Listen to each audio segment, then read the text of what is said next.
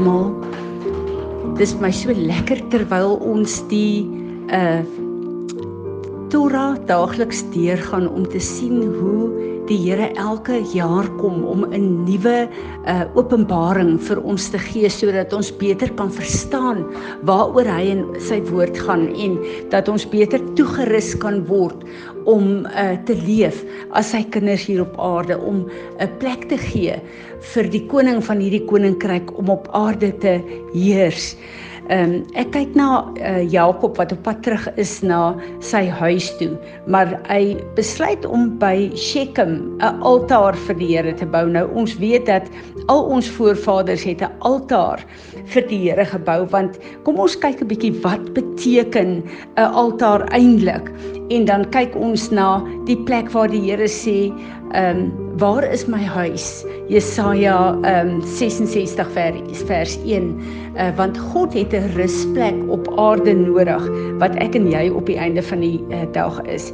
Nou die woord wat gebruik word vir altaar is in die Hebreëus, ek dink altyd my uitspraak, uh misbish. En uh hierdie woord is dan nie 'n woord wat gebruik word van byvoorbeeld al die afgode het hulle afgods uh, altare gebou. Dis nie dieselfde woord as die Hebreëse woord misbish nie. En wanneer ons hierdie woord opbreek, dan verstaan ons beter waaroor dit gaan. Misbish is letterlik uh die die uh, wortelwoord daarvan is ehm um, zabag. Nou die spelling van hierdie woord ehm um, is letterlik 'n zayin, 'n byt en 'n shet. Uh wat die betekenis van hierdie woord eintlik verduidelik en ek wil net gou-gou vir ons hierdie stukkie lees wat die Rabbi Sans Sans skryf. The zayin is a Hebraic symbol of a sword or a threshing implement, particularly referencing the flaming sword brandished by the angel assigned by the Holy One to guard the pathway to the tree of life. En dan byt is die Hebreëse simbool van 'n huis, a household or the king's domain. And chet is the a Hebraic symbol of the chuppah the bridal canopy of Messiah. Dit verteenwoordig die verbond. And adding a mem, the Hebrew constant, make uh, which makes the m sound of which uh, picture a flowing wave of water um, is a flowing motion. A, a misbish therefore is a place where the household of the one holy one desiring to partake of the fruit of the tree of life repeatedly submits to the flaming sword dies symbolically through a sedegate and through the blood spilled in connection with the sedegate's death passes into the chuppah of Messiah.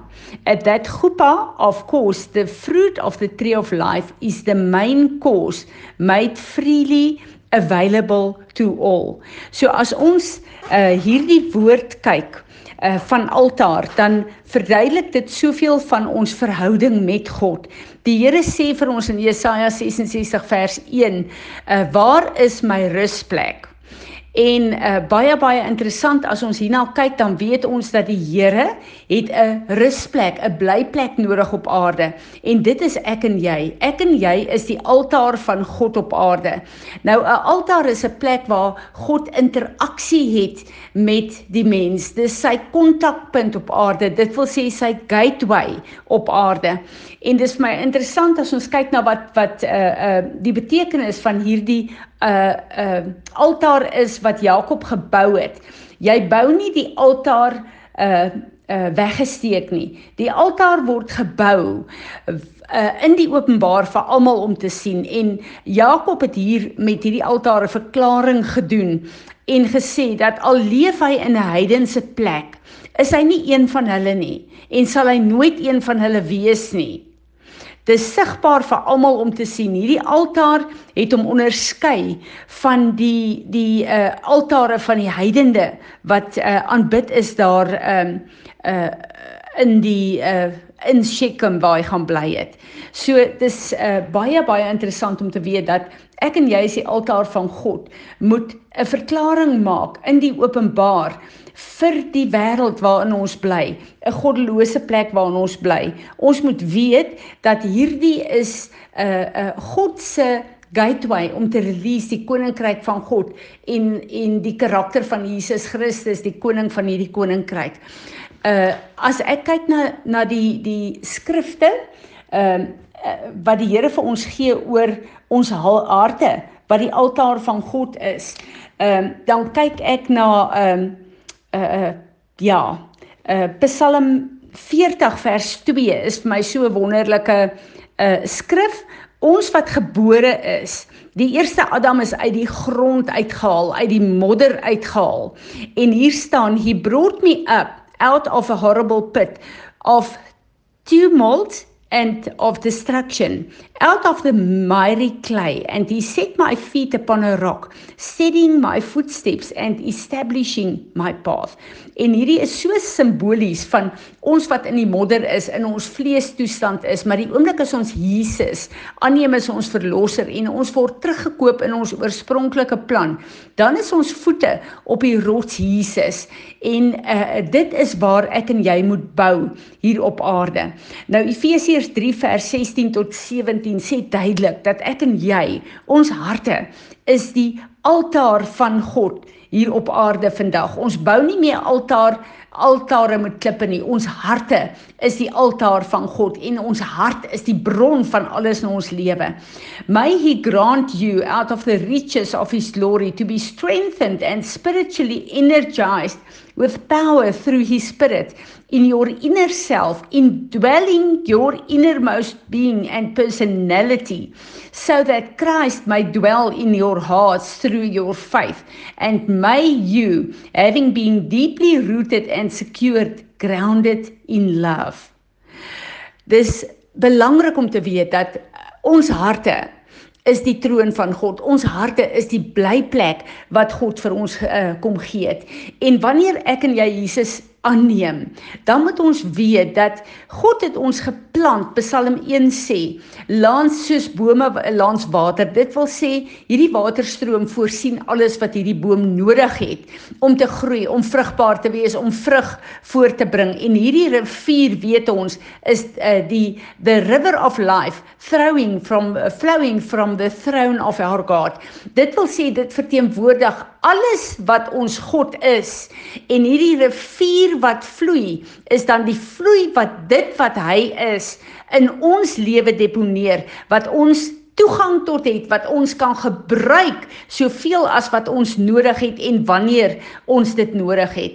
En ons moet weet dat uh, wanneer ek en jy Jesus aanneem, wanneer ons 'n verbond met hom vorm, dan het hy 'n rusplek in jou lewe. Dan het jy 'n huis, 'n hy 'n huis waar hy bly. Ek wil net vir ons lees 'n uh, uh, Handelinge uh 7 vers 49.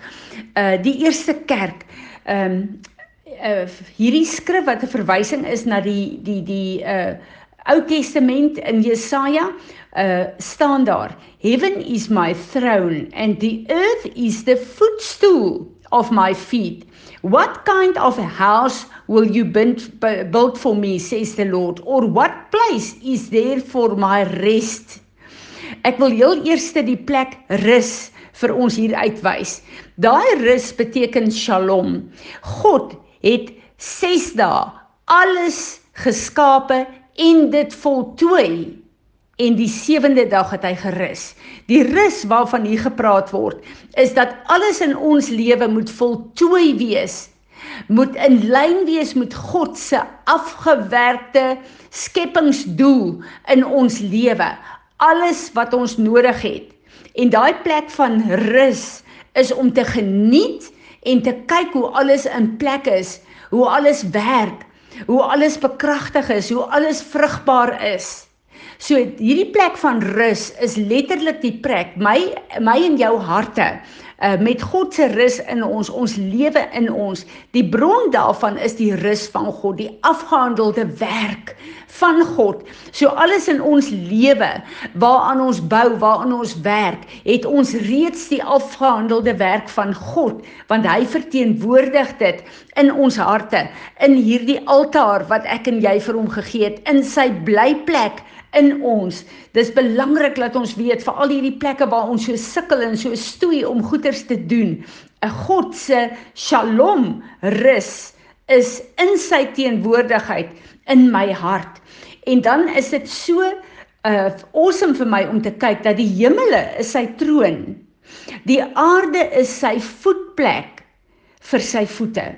Wat het Jesus gedoen toe hy die laaste keer met die disippels was? Hy het hulle voete gewas. Nou is hierdie so simbolies en so awesome om te weet dat ons voete is gewas sodat God se voete wat rus in my 'n uh, huis in my altaar in my hart dat dit letterlik die plek is waar ek en jy vanuit sy shalom vrede saam met hom kom kan wandel op aarde. Onthou die eerste mense, Christene is geroep, genoem the people of the way. Dit wil sê die plek van ons voete.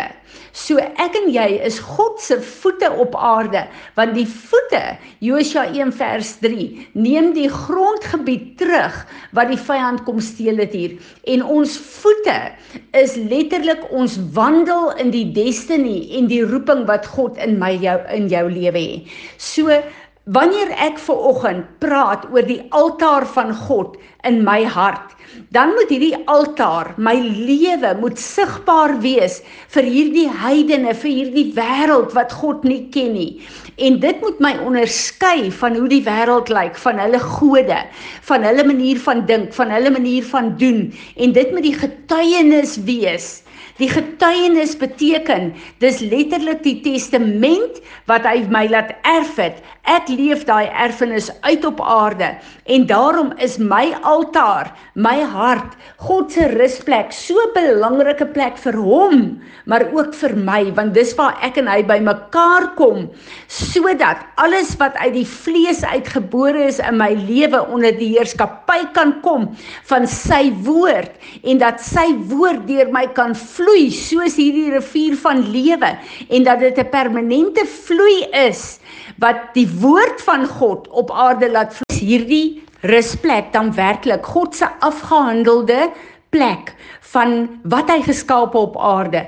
Is dit die plek waar my hart en my lewe lyk soos die voltooiing en die vrug van sy rus? En is my lewe dan die plek waar die wêreld die vrug kan kom eet wat kom van die boom wat lewe gee en wat mense kan nader trek aan hierdie God en 'n begeerte kan gee om ook hierdie God te dien. Ek bid dat ons altare 'n lewendige plek sal wees wat ons self sal voed daagliks, maar wat ons ook sal oprig as 'n kragmanifestasie in ons families, uh, in ons gesinne, maar ook in ons gemeenskappe tot sy eer.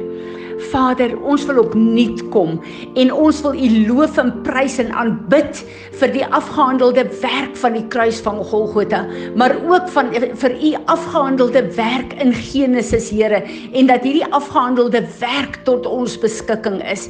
Ek bid dat U ons elkeen sal help in hierdie dag, Here, om ons altaar te inspekteer en alles wat nie lyk soos wat 'n altaar moet lyk nie, Here, wat nie vir U 'n bly blyplek en 'n rusplek is nie, dat ons dit sal sien dat ons sal repent, Here, en dat ons opnuut ons harte sal uitwas met die bloed van Jesus en dat U waarlik 'n rusplek in ons lewe sal hê, 'n gateway waardeur U kan werk sodat U naam op aarde verheerlik sal word. Amen.